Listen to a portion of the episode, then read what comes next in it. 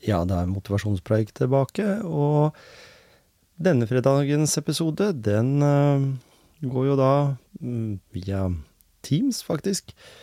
Og um, jeg har uh, vært så heldig denne gangen å få snakke med Gry Blekastad Almås, som sitter borte i London og er vår nyhetskorrespondent, som de kaller det der borte. Vi har hatt en hyggelig prat om motivasjon Eh, og det å være journalist, eh, det å være nysgjerrig, eh, modig, sånne ting som kreves i egentlig ethvert yrke, men kanskje spesielt i et journalistyrke, i hvert fall ut ifra sånn som hverdagen er i dag. Så mm, håper det at dere nyter denne episoden.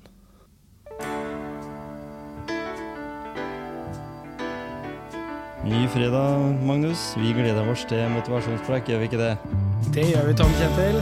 Og så er det en fantastisk gjest som er her i dag òg. Vi er heldige.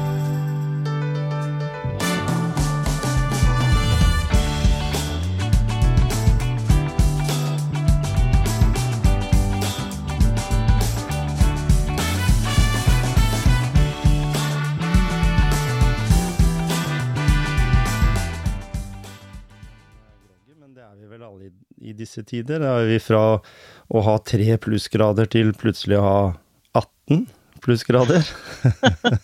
ja, det, kan... det, er et eller annet eh, gærent som ikke er riktig i temperaturen. Det er varmt her i London også. Ja, Varmere enn normalt for denne årstida. Hva er det som er trikset, da? Jeg tenker på sånn som du som, som jobber i det gamet og har gjort det i mange år. Plutselig du våkner på morgenen da, og du kjenner at stemmen er litt sånn i fasett, på en måte. er det noen lure triks, annet enn sånn som Nei. jeg har sikra meg en kopp te her? Ja, det, jeg har ikke noe andre triks enn uh, å drikke noe varmt. Ja. Så det er kaffe eller te om morgenen må jeg, må jeg nok ha hvis jeg skal på direkte. Jeg må ha det uansett, ja, egentlig. For å komme ordentlig i gang. Så det, det, handler mest om det. Ja, ikke sant. Og så får, får, man ta man som man er. jeg kan ikke gjøre så veldig ja, mye med det. det må det må være lov. Det er jo også, ofte sånn at jeg er veldig tidlig på den her da, når jeg er med i morgensendingene. Eh, mm. Så er jo klokka enda en time tidligere her, så det hender jeg liksom velter meg ut av senga og går mer eller mindre rett til mikrofon eller, eller kamera. Og da, da, skal det litt til å få systemet i gang, men eh, det går som regel bra, da. Ja, ikke sant. Og det har jo vært litt sånn uh, i disse tidene. Du har jo kanskje vært den uh, eh, korrespondenten Heter det fortsatt korrespondent? Jeg føler det er litt sånn Sovjetunionen, ja, men, men Ja, det heter fortsatt det. det gjør det, ja. Så, men i hvert fall, du har jo vært den som har stått veldig ofte utafor eh, der statsministeren eh, bor i, i England. Downing Street Downing nummer ti. Ja. Ja, der er jeg blitt kjent etter hvert, ja. Ikke sant. Og det, hva er det som på en måte har forandra seg? Jeg må nødt til å spørre om det. Men vi skal ta en liten sånn greie og, og få litt sånn eh, greie på litt om Gry òg, da. Eh, født i Oslo i 1970. Mm -hmm. Noe nærmere bestemt eh, i Oslo, eller? Hvorfor Oslo er jo stort? Jeg vokste opp eh, på Østensjø, eh, ved Østensjøvannet. Ja. Vakre, fine omgivelser rett ved Østmarka. Bor fortsatt i området på Golia, eh, når jeg ikke bor i London, vel å merke. Ja, ikke sant? Og da har du muligheten til å nyte naturen. Samme som den har for så vidt i London nå, hvis den finner noen grønne parker og sånn, for det er jo veldig fint der borte. Parkene er kjempefine, og vi bor også i nærheten av Themsen, hvor det er fine turmuligheter. Så det har vært et bevisst valg for oss når vi eh, skulle velge eh, hvor vi skulle bo i London. Eh, ja. Dette med muligheten til litt sånn friområder og, og friluft. Vi er jo tross alt nordmenn, ja, så det er vi avhengig av. ut på tur. Vi må ut på tur også, selv om vi er i London. Eh, Absolutt. Men eh, da, etter så mange år, nå har du vært så, så, i hvert fall jeg har gravd litt da, og finner ut at du begynte i NRK i 1993. Ja. Da var du jo i tidlig 20-åra. Og hvordan var det å komme inn i statskanalen NRK da, på den tida med ja, sine vet, Da kom vel TV 2 kom vel året etter, var det ikke noe sånt? I hvert mm, fall så, så har du i hvert fall fått erfaring av å være mer eller mindre aleine da, i, i det. Ja, eh, nå ble jeg liksom plutselig i tvil. Var ikke, var ikke, 90, var ikke TV 2 i 92? 92 var det kanskje? Jo da, jeg surra med jeg, jeg, det var i hvert fall akkurat i brytningspunktet der. Eh, Jeg føler vel eh, at jeg har vært med delvis på liksom overgangen, i hvert fall fra Mm. monopoltida eh, til, til eh, den situasjonen vi har eh, i dag. Også fordi jeg var eh, mye som sånn assistent i NRK i mange år før jeg begynte å jobbe som journalist i NRK. Ikke Eh, sant? Fordi jeg familiær tilknytning, så hadde jeg ofte sånn lørdagsjobber og småjobber da, gjennom mm. ungdommen. Så jeg hadde liksom allerede vært eh, ti år, mer eller mindre, i, eh, innafor systemet. Så jeg kjenner til eh, hvordan det var monopoltiden også, og har jo selvfølgelig jobba med veldig mange gode kolleger eh, som, eh, som gjorde seg eh, bemerket da, i, Mhm.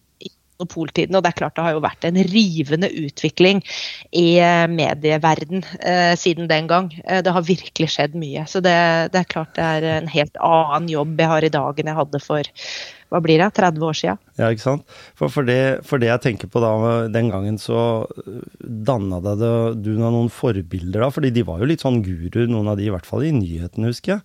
Det var liksom ikke bare å Altså, de fjesa som var der, de var kjente. Ikke, bare De var kjent for alle.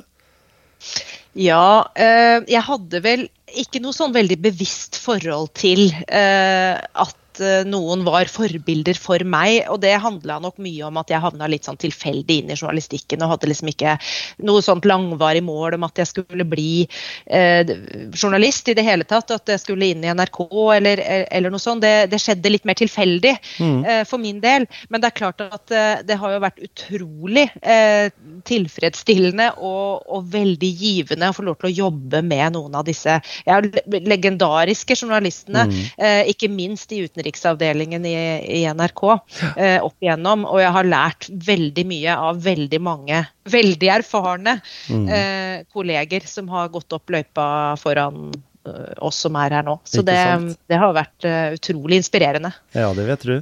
Og når vi snakker om det med korrespondenter, så hørte jeg jo, var jo et intervju med han eh, Hans-Wilhelm Steinfeld, og han var jo fortsatt like engasjert. Så han var Ja, ja, en, ja, en av de. absolutt. en av de gode, flinke Ja, kollegene. Mm. Den lærer vel litt på veien nå, gjør den ikke det? Snapper opp litt ting og sånt, og så får den vel noen sånne når den er forholdsvis ung i hvert fall i systemet, selv om du hadde mange år erfaring før det, da, så var du et kjent fjes der, så, så får du kanskje noen sånne litt, eh, litt tips om ting. Selv om, selv om de tipsa de hadde kanskje på 90-tallet, 2000-tallet har, som du sier, endra seg litt i dag. Ja, og så er det jo noe med at man lærer ikke litt, man lærer jo mye. Og Ja. man lærer jo mye nytt hver eneste dag. Mm. Eh, og det er jo noe av det som gjør ikke bare arbeidsplassen NRK fantastisk, men denne jobben da, eh, som journalist eh, mm. veldig, veldig interessant. Fordi du lærer jo nye ting hele tiden. Eh, så mm, det er jo et eneste stort privilegium egentlig å få lov til å ha en sånn jobb. Ja, ikke sant? Og, og du har jo vært i Nå er du i London, og du har vært i London før. Eh, Ja. Og da vil jeg vel tro at du har et sånn litt spesielt eh, godt forhold til London, da, fordi, og, du, og England generelt, for du har jo studert der borte òg, sånn Mm, og. Storbritannia. Ja, eh, Storbritannia. i- Hele, hele Storbritannia. Jeg har studert i Nord-England. Ja. uh, ett år i um, ungdommen, da. Og eh, også vært mye eh, over her før den tid. Så jeg har på en måte i hele mitt eh, bevisste liv vært veldig glad i, eh, i Storbritannia. Mm. Eh, og reist veldig mye rundt. Og, og hadde da mitt første korrespondentopphold her fra 2010 til 2013. Og så er jeg tilbake igjen nå eh, fra i fjor, da. Ja, eh, for en ny periode. Mm. Og da, da fikk du jo nesten åtte år hjemme i Norge. Eh, og Ja. du, du har jo leda veldig mange nyhetsrelaterte programmer, uh, og andre programmer også, som, som gjør at du, sånn som Urix eksempel, som er et sånt uh, program jeg ser ofte, fordi der får du litt dy, dybdere, mer dypere inntrykk i forhold til nyhetene enn det du gjør, gjør i, i de 10-15 minuttene du får på TV, da. Uh, Syns du det er veldig ålreite programmer å lage? Ja, veldig. Og, det er jo nettopp det du sier, at man kan uh, gå litt uh, dypere ned i materien enn man kan i et kort nyhetsinnslag mm. i en sending som Urix, hvor man kan uh, ja, heve blikket litt, få litt perspektiver, gå dypere inn i enkeltdeler av det temaet man tar opp. møte mennesker som er berørt på en eller annen måte, eller som har kunnskap, da, ekstra kunnskap knytta til de temaene. så det, det, er, det er et nyttig og interessant program å følge, syns jeg. Mm. Og, og, det er jo sånn at eh, et sånt program er litt sånn, føler jeg også, at eh, du har tatt med deg den egenskapen der litt inn i jobben din nå, da. Fordi hvis en ser litt på hvordan eh, ting har forandra seg da, på de siste ti åra, hvis en sier det på den måten, da. Eh, eh, fra det å være korrespondent da i London for ti år siden, kontra i dag. Eh, hva vil du si er den største forandringa ved å sitte i London i dag?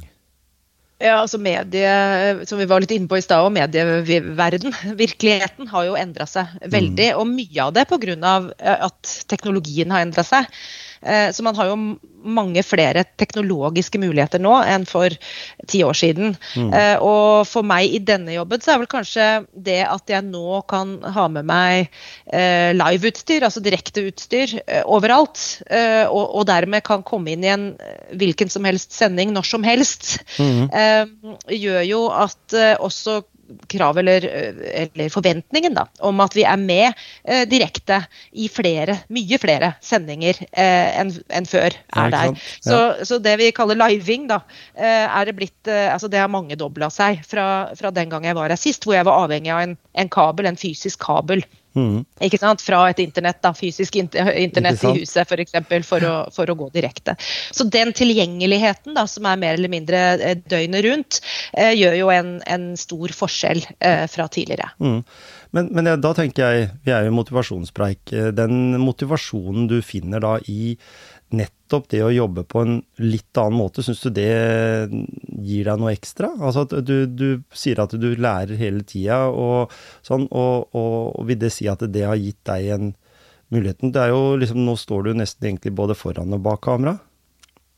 Ja, og den delen som handler om bak kamera er jo, er jo ny for meg. For i tillegg til det jeg akkurat nevnte nå, så, så um, har jeg jo lært meg å både håndtere eh, kamera og, og um, redigeringsutstyr. Sånn at det hender jo at jeg også både filmer og redigerer eh, TV-innslagene mine selv. Men heldigvis så har jeg jo stort sett med meg fotograf som også redigerer. Og det er jo de innslagene som blir de aller beste herfra. For det, eh, jeg har jo fortsatt veldig tro på at uh, man kan noen ting bedre enn andre. Selv om det går mot at man stadig skal kunne litt av alt. Mm. Uh, så, så, ja, så er sånn det bedre kvalitet da med, med fotografi fotografen ikke. Men det er klart, ting har endra seg ja, på mange måter. Og, men jeg gjør jo mye av det samme som jeg gjorde sist. Altså ja. Det å lage TV-innslag, det å redigere radioinnslag, det å skrive for nett. Det siste er det blitt mer av. Men, mm. men jeg gjorde alt sist. Jeg bare gjør mer av alt nå. Så ja. det er blitt en travlere jobb. Det er kanskje den største forskjellen. Det var travelt den gang, og nå er det enda, enda mye travlere. så, er, så er du litt heldig at du har med deg familie på, på jobb òg. Ja, det tror jeg er veldig bra for alle korrespondenter. Nettopp fordi den travelheten gjør at man kan uh, gå helt opp i jobben hele tida. Og jeg tror mm. det å ha med seg noen som kanskje uh, styrer deg litt vekk fra jobb av og til, at du er nødt til å forholde deg til andre ting, uh, det kan man gjøre på mange måter, men familie er jo én måte å gjøre det på. Mm. så veldig glad for at jeg har familie med over, ja. ja. Men er, er det sånn, for du har jo voksne barn, er det sånn at du har med hele familien? At dere har flytta alle over? Jeg har eh, så voksne barn at de to eldste ikke er med. De er uh, ute i verden og gjør sine greier. og så har jeg yngste med, eh, mm. som går på skole her, ja. Mm. Ikke sant. Og det har de jo fått uh, muligheten til tidligere òg, den gangen de var yngre. Du, ja, da var de med alle tre. Ja. Mm. Da gikk de på skoler her alle sammen. Og det tror jeg de har stor glede av, altså. Det vil jeg tro. Den For det er jo- erfaringen. Det er jo norske Det er jo på en måte sånn at uh, du kommer til London i dag, så er jo I hvert fall de gangene jeg har vært i London, så treffer du alltid nordmenn. Du treffer liksom Jeg husker en gang vi traff naboen.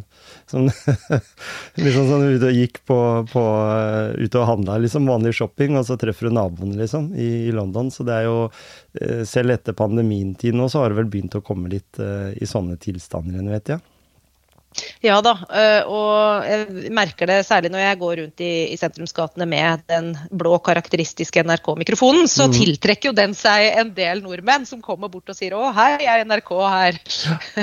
Men sånn i dagliglivet så forholder jeg meg ikke veldig mye til andre nordmenn. Nei. For vi, vi bor, eh, holdt på å si, midt i et eh, engelsk-britisk, eller londonsk, da, mm. eh, nabolag, eh, hvor det er eh, et typisk, eh, typisk eh, londonsk befolkning med folk fra hele verden eh, boende rundt oss. Men ikke veldig mange nordmenn. Men Nei. noen er det jo.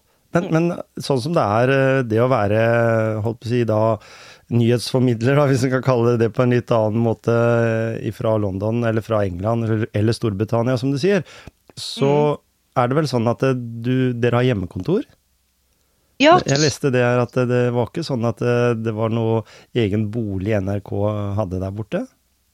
Nei, det er riktig. Det er jo uh, De forskjellige korrespondentkontorene NRK har, er uh, bygd opp på litt forskjellige måter ettersom hva slags avtaler man har og ikke har uh, Mm. ulike steder. Men i London så, så bruker man huset man bor i som base da, og kontor for, for den delen av jobben. Ja. Men så er man jo veldig mye på reise rundt omkring. Ut og rundt. Det er jo mye av det jobben handler om. Å være der hvor folk er, og prøve å fange opp stemninger og, og synspunkter rundt forbi. Ja, ikke sant?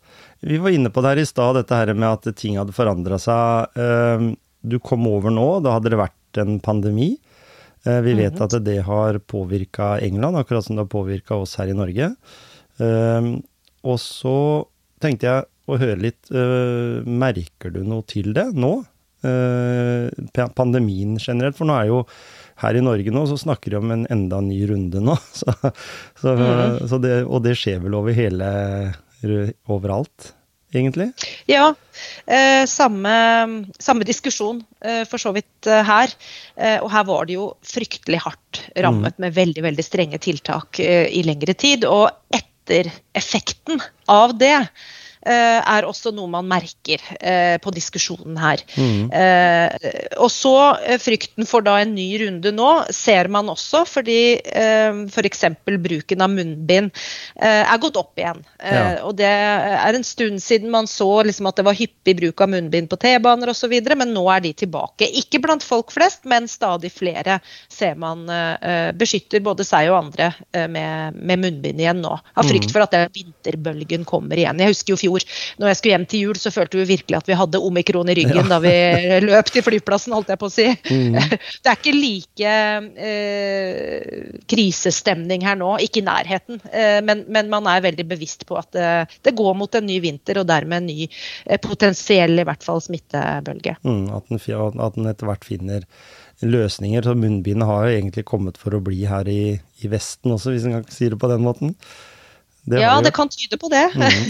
Men, men allikevel så, så syns jeg dette her var veldig spennende, og du ville være med i motivasjonspreik. Og også dette her med at eh, vi ser jo veldig ofte på nyhetene i forhold til sånn som brexit f.eks., at England er i en endringsfase, da. De har jo bytta statsminister Altså det, det er jo et land som jeg elsker fordi det er så konservativt, og det er liksom sånn med tradisjoner og så videre, og så plutselig så brekkes dette her opp i at den skal splittes fra EU, og at den skal bli En blir et, et eh, en, eh, ikke bare land, men et område med litt sånn småkonflikter, og litt murring igjen, da, sånn som det var på den tida på 70-tallet, da, egentlig. Eh, hvordan føler du det som eh, korrespondent når du er ute og, og treffer mennesker? Jo, det er veldig merkbart. Det var jo mye mer stabilt eh, politisk eh, før brexit. Mm. Eh, det, det var en sak, og er en sak, som splitter folket eh, fortsatt. Eh, og det er vel eh, det vi ser utslag av i det politiske bildet nå, som er svært eh, urolig, med hyppigere statsministerskifter enn en andre skifter mm. undertøy. Mm. Mm, ja, ikke Nei, ikke fullt så ille, men ille nok. ja. Så det, det, kan du si er en, en uro som startet med, med, brexit, og som vi står i da, på mange måter fremdeles. Men så er det jo også selvfølgelig veldig politisk, da, hvor mye man skal skylde på på brexit for alle de problemene landet står i nå. Og eh, regjeringen, eh, fortsatt konservativ regjering som det da har vært de siste tolv årene, mm. eh, selv om det har vært ulike konservative regjeringer, eh, mener jo at mye av særlig de økonomiske problemene man står i nå, ikke bare skyldes brexit, men i større grad kanskje skyldes eh, pandemi og ikke minst krigen i Ukraina og, mm. og de, den internasjonale trenden man ser. da, Og så rammer den nok litt spesielt i Storbritannia akkurat nå. Den rammer veldig hardt. Bl.a. fordi det også er et veldig sånn forskjellssamfunn her. Hvor du har de superrike som overhodet ikke liksom merkes av disse økonomiske problemene som er her nå. Mens eh, de som er i den eh, fattigere delen av befolkningen merker det veldig, veldig hardt og rammes hardest av alle eh, når inflasjonen nå er så høy som den er og, og situasjonen i økonomien så vanskelig som den er. da. Mm. Og, og, og, det er jo ikke sånn, sånn som jeg ser enkelte av de reportasjene du har sendt over hit, da, så går det jo på dette at enkelte der er det jo rett og slett Når du åpner kjøleskap, så er det tomt. Det er ingenting der. Mm. Det syns jeg er ja. kjempebekymringsfullt. For vi, vi så senest uh, vel i går her i, av en kollega, da, Fredrik Solvang, som hadde debatten. Ja. Der det blei veldig følelseslada, egentlig, fordi nordmenn også nå sliter voldsomt for å sikre seg den maten en trenger når en går inn i julehøytiden. Og det vil jeg vel tro også merkes ekstremt der borte i, i England, da. Ja, nå er, eh, er, det jo vanskelig for uh, folk med, med, dårlig råd overalt. Mm. Uh, så det er, noe, det er, jo ikke noe, verre å ha dårlig råd her, her enn i Norge f.eks. Det, det er ille overalt. Men mm. jeg tror litt pga. samfunnsstrukturer her, så er det veldig mange, altså forholdsmessig mange, som er i den fattige delen av befolkningen, og så er det veldig mange nå som, som blir det. fordi at uh, lønnsnivået uh, går opp her også, men ikke i nærheten av så uh, mye opp som det prisene gjør. da. Sånn at reelt sett så får man selvfølgelig da mye dårligere råd, særlig hvis man har arbeid i, i, offentlig sektor. Og til forskjell fra tidligere så er det jo folk på med inntekter, som har fulle jobber, som mm. allikevel ikke klarer å fylle kjøleskapet. og det er den ene hjerteskjærende historien historien etter den andre man møter når man stopper folk på gata og spør hvordan det går. Eh, det er ikke liksom bare noen få, men det er eh, nesten eh, Det er, veldig lett å snakke, finne folk som sier at de enten står over måltider, ja, mat hele dager, mm. for å spare penger til å kanskje kunne ha råd til mat dagen etter. ikke sant? Og skoleunger som sitter og later som de har mat i matboksen sin, sånn at det skal se ut som de spiser. Eh, men de har tomme matbokser, for de har ikke mm. råd til å fylle den opp. Sånne type historier er det mange av her nå. Ja. Og også da eh, i familier hvor, eh, hvor, eh, hvor, det er inntekter. Ja, eh, altså hvor de har jobb. Mm. Eh, når vi snakker om det, da, så det er jo veldig triste ting å tenke. men oppi alt dette her, da, så, så tenker jeg det at en må prøve å finne noen gladsaker, og det gjør du helt sikkert der borte, for å, for å på en måte formidle det også. fordi det kan jo være mye trist og, og, og sånn å komme, i hvert fall når vi kommer inn i en høytid som jul. Fordi det er jo ofte kanskje den tida på året som en gir seg litt ekstra, da. Eh, enten mm. det er gaver, eller det er litt ekstra mat, eller det er litt eh, at en treffer andre mennesker. Eh, så som du sier, dette med å vise at det, en, en, ønsker jo ikke med all stolthet å vise at en er, er, fattig, egentlig, men det sitter ganske langt inne for mange av de vi jeg tror du snakker med, som, som da går fram og sier at jeg er fattig. Jeg har ikke mat, jeg har ikke råd. Eh, hva tenker du om det? At det er en ja, det, er, det, er, helt klart mange som er stolte, og som eh, på en måte beskriver situasjonen som mindre dramatisk enn den egentlig er. Mm. Eh, men samtidig, som, som jeg nevnte, så, så, har det ikke vært vanskelig å stoppe folk på gata, eh, og så få historier. Eh, det tar jo gjerne litt tid, man snakker litt med dem først. Og så, mm. og så kommer det da for en dag hvor vanskelig det egentlig er. Eh, og det, det gjelder veldig mange. Men det er, det er, som du sier, det er viktig å finne lyspunkt. da. Ja. Eh, og en ting som jeg syns er eh, veldig eh, slående og positivt med den britiske kulturen, er jo eh, frivillighetskulturen. Eh, og det er mulig at den har tvunget seg fram fordi det offentlige ikke i all, stor nok grad klarer å, å hjelpe da, til. Men så, så, gjør folk det frivillig, på frivillig basis. Og du, mm. det er jo store hauger med det er satt opp sånne skap Eh, eller bokser da, ved utgangen i dagligvareforretningene, hvor folk eh, som har penger, kan eh, kjøpe varer og legge i de boksene, ja, ja. og så gis de varene til fattige, f.eks. Mm. Så har du alle disse matstasjonene som gir ut gratis mat, og, og folk som da leverer dit. Eh, og overskudd de har, eller de kjøper inn spesielt for å kunne gi til folk som ikke har råd til det.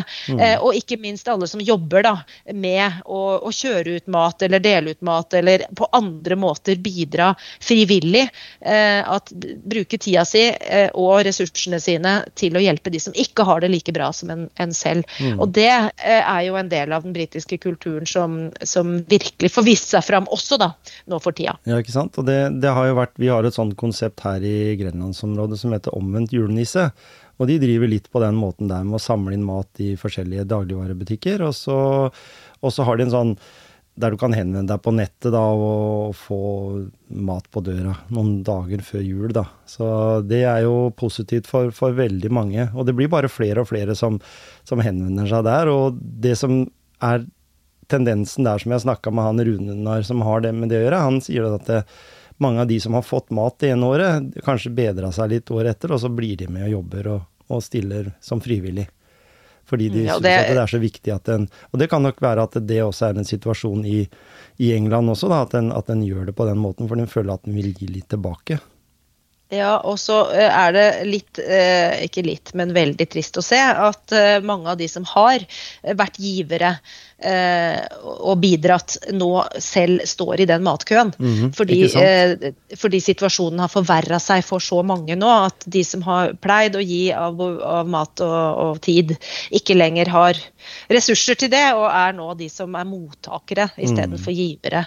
Så ikke, ikke en enkel situasjon Nei, eh, veldig mange briter er i akkurat nå. En liten morsom uh, greie da, som det blei veldig fokus på i fjor, det var eller dette juletreet som kom fra Norge. Det husker jeg du hadde mye, mye Det var mye sånn det, på sosiale medier også, i forhold til at uh, vi vet hva vi har uh, bak i hagen omtrent, liksom. Og så, og så, sender vi over et juletre som så ut som den har vært på tur jorda rundt. Men uh, Ja, og det var ikke første gang det fikk uh, oppmerksomhet, men fjorårets modell var liksom ikke uh, det, det, imponerte ikke. Nei, jeg, jeg, ble bare... intervjua på britisk TV også om det. Hvordan kunne dere liksom ja, sende oss dette her? Um, men vi får håpe at årets tre er finere. Jeg har sett bilde av det der det står i Nordmarka nå. Ja.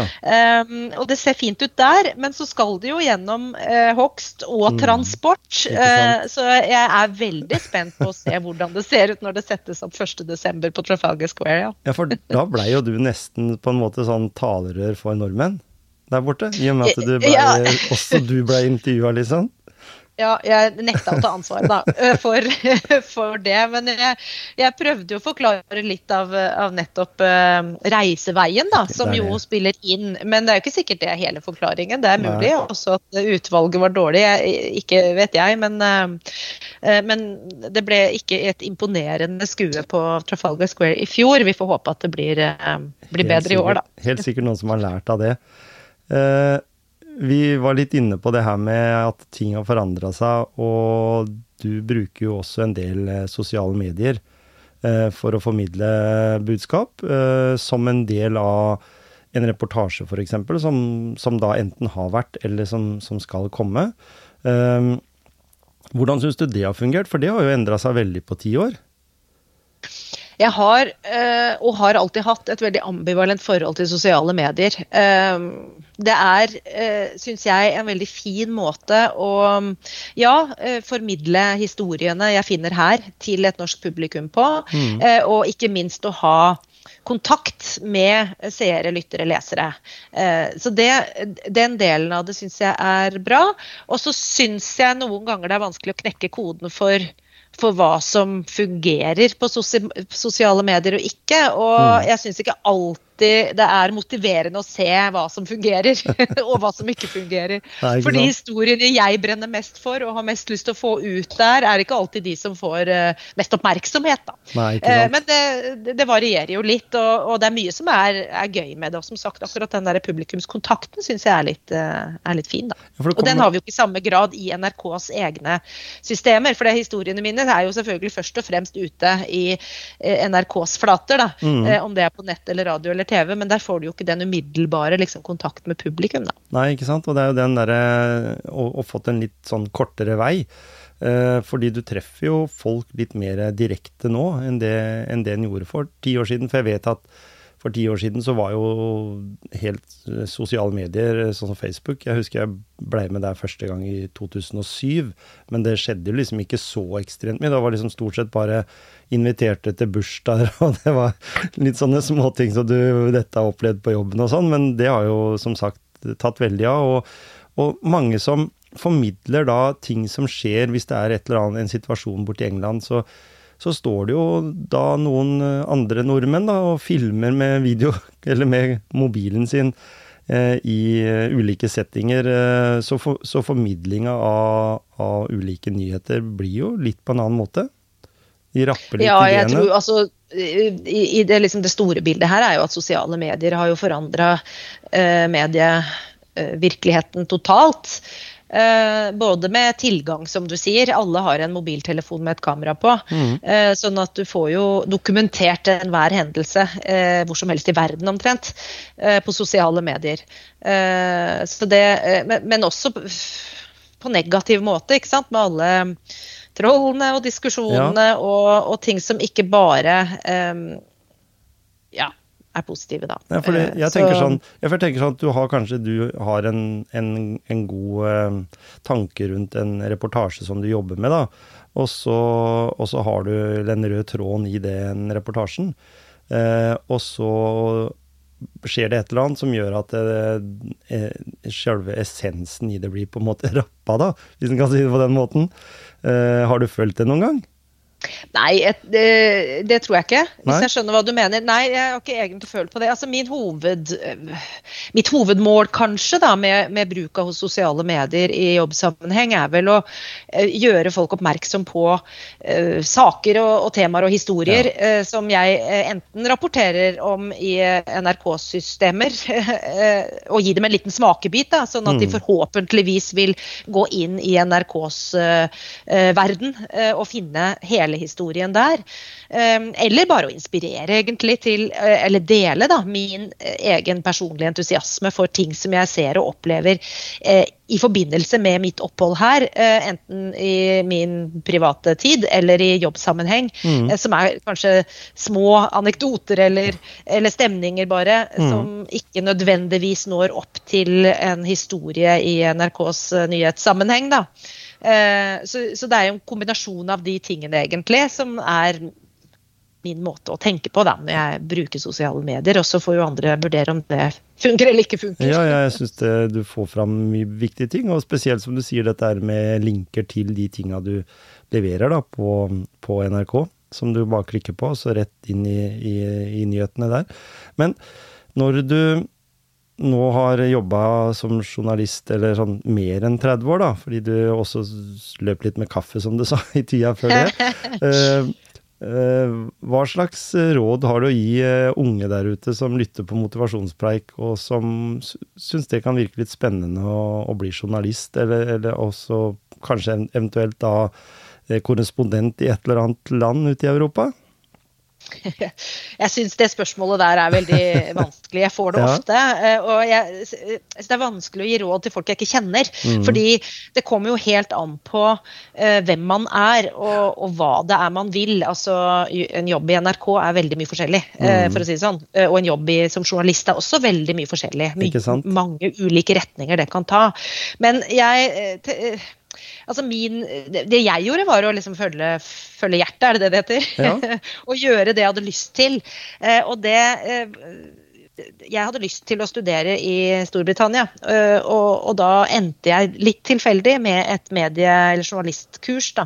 Og dermed ble jeg journalist. Mm. Eh, så det var ikke journalistdrømmen som tok meg til, til denne jobben, men, men snarere Storbritannia som Ja, Eller drømmen om Storbritannia som, som gjorde at jeg ble journalist. Ja. Eh, Så eh, rådet vil vel være det, da. I den grad man bærer på en drøm, følg den. Mm. Eh, Eller følg i hvert fall eh, magefølelse og interesser man har.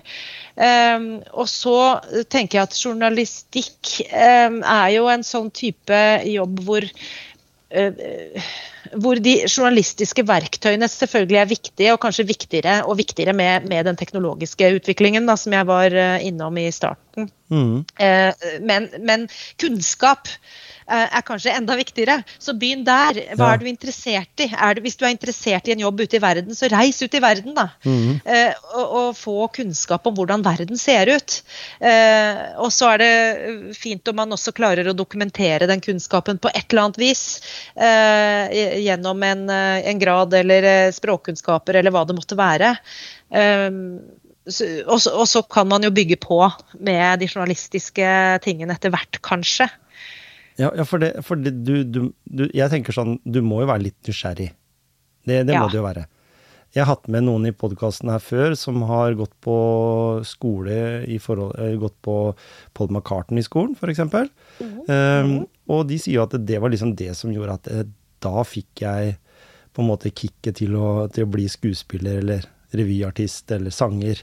Um, Mm. Uh, så det blir jo litt på samme måten da, som du sier det med, med journalist. Men eh, allikevel så leste jeg det at du hadde med deg ganske mye støff, da, eller ganske mye ting som uh, korrespondent i dag. Eh, må du være litt modig òg? Ja, jeg tror ikke man skal være for eh, tilbakeholden, Nei. i hvert fall. Eh, fordi man må jo stikke seg litt fram i enkelte situasjoner for å Mhm. få tilgang, ikke sant? Ja. Eh, så, så ja, litt mot tror jeg trengs. Og så er det jo eh, Jeg vet ikke hvilket utstyr du tenker på, men Nei, det- hvis, hvis du tenker på sikre, eh, skuddsikre vester Ja, alt ja. Sånt. en- korrespondent i NRK har eh, et, eh, et sånn type sikkerhetsutstyr Mm. liggende. Og heldigvis for meg så har jeg ennå ikke fått bruk for det her. Og, eh, men, men man vet jo aldri hvor og når et terrorangrep f.eks. rammer. Eh, men så ser du jo at mine kolleger i Ukraina f.eks. bruker dette utstyret eh, Mhm. på daglig basis. Mm. Så det er veldig stor forskjell da, fra kontor til kontor Ja. hvem som har bruk for det. Men eh, et visst eh, mot eh, skal til. Men man skal ikke være for vågal heller. Jeg tror det, er, det viktigste er jo å, å holde seg trygg, og så trygg som man kan i enhver situasjon. Det er jo Mhm. hele hensikten med den typen utstyr. Mm. ikke sant? Så man skal, eh, man skal bruke det med klokskap. Ja. men, men snakker dere noe sammen? Eh, Når du nevner dette her med andre kolleger der ute som, som har samme jobb som deg, bare i andre land. Eh, fordi det er jo noen av de som står eh, i si nesten raketten og går over hodet på de. Så, det, så de, de Ja. har en tøff tilværelse, vil jeg tro. Vi har stort sett eh, daglig kontakt gjennom felles eh, møter. Mhm. Eh, og så er det varierende hvem som til enhver tid er med i de møtene. Og det kommer jo både an på arbeidsoppgavene de står i akkurat da, og Mm. tidsforskjeller og den typen ting. Men vi har kontakt med hverandre, ja. Ja.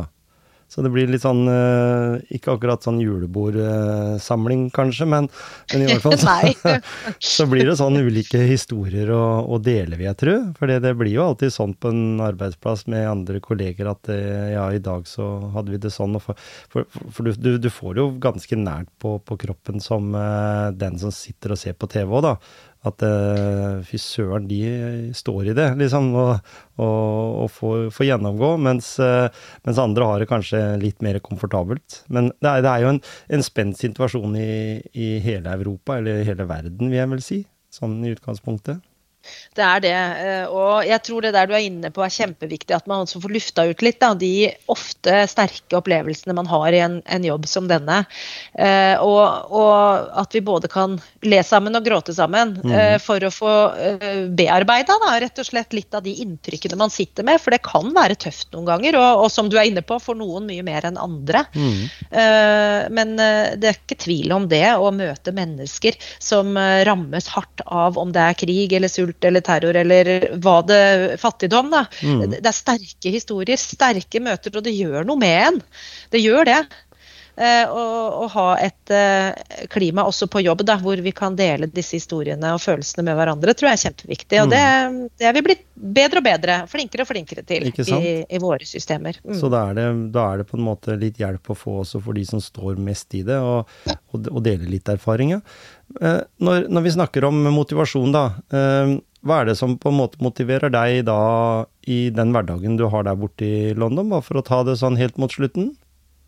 Nei, altså jeg tror rett og slett det er den nysgjerrigheten som du er inne på, som er min daglige motivasjon. Jeg er veldig opptatt av de eh, tingene som skjer her borte. Mm. Eh, og på mange nivåer da, i, i, samfunnet. Altså om det er den liksom, politiske utviklingen, eller om, eh, om det er hvordan det går med Uh, holdt på å si fotballkampene, ja. eller, eller, hvordan det uh, står til med folk. Da. Det er vel kanskje de menneskelige historiene som driver meg aller mest.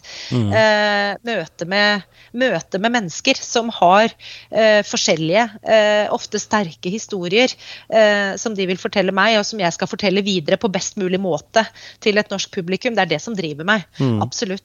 Mm. Og, og da, da, har jeg lyst til å spørre, uh, hvis, tenk, hvis en tenker en engelskmann, da. Uh, hvordan uh, ser Norge ut for de? Altså, vi har jo alltid trodd at de vet alt om Norge, liksom. Men uh, er det bare Haaland, eller, eh, eller, eller hva er det? Veldig mye liksom? Haaland. Veldig mye Haaland. ja, når vi sier at vi er fra Norge, så er det med en gang Haaland. Ja, ikke sant? Uh, og så var det Solskjær. Ja, det er, han er fortsatt en, en stor, et stort navn her. Mm. Eller så er det det at vi er så rike i ja. Norge.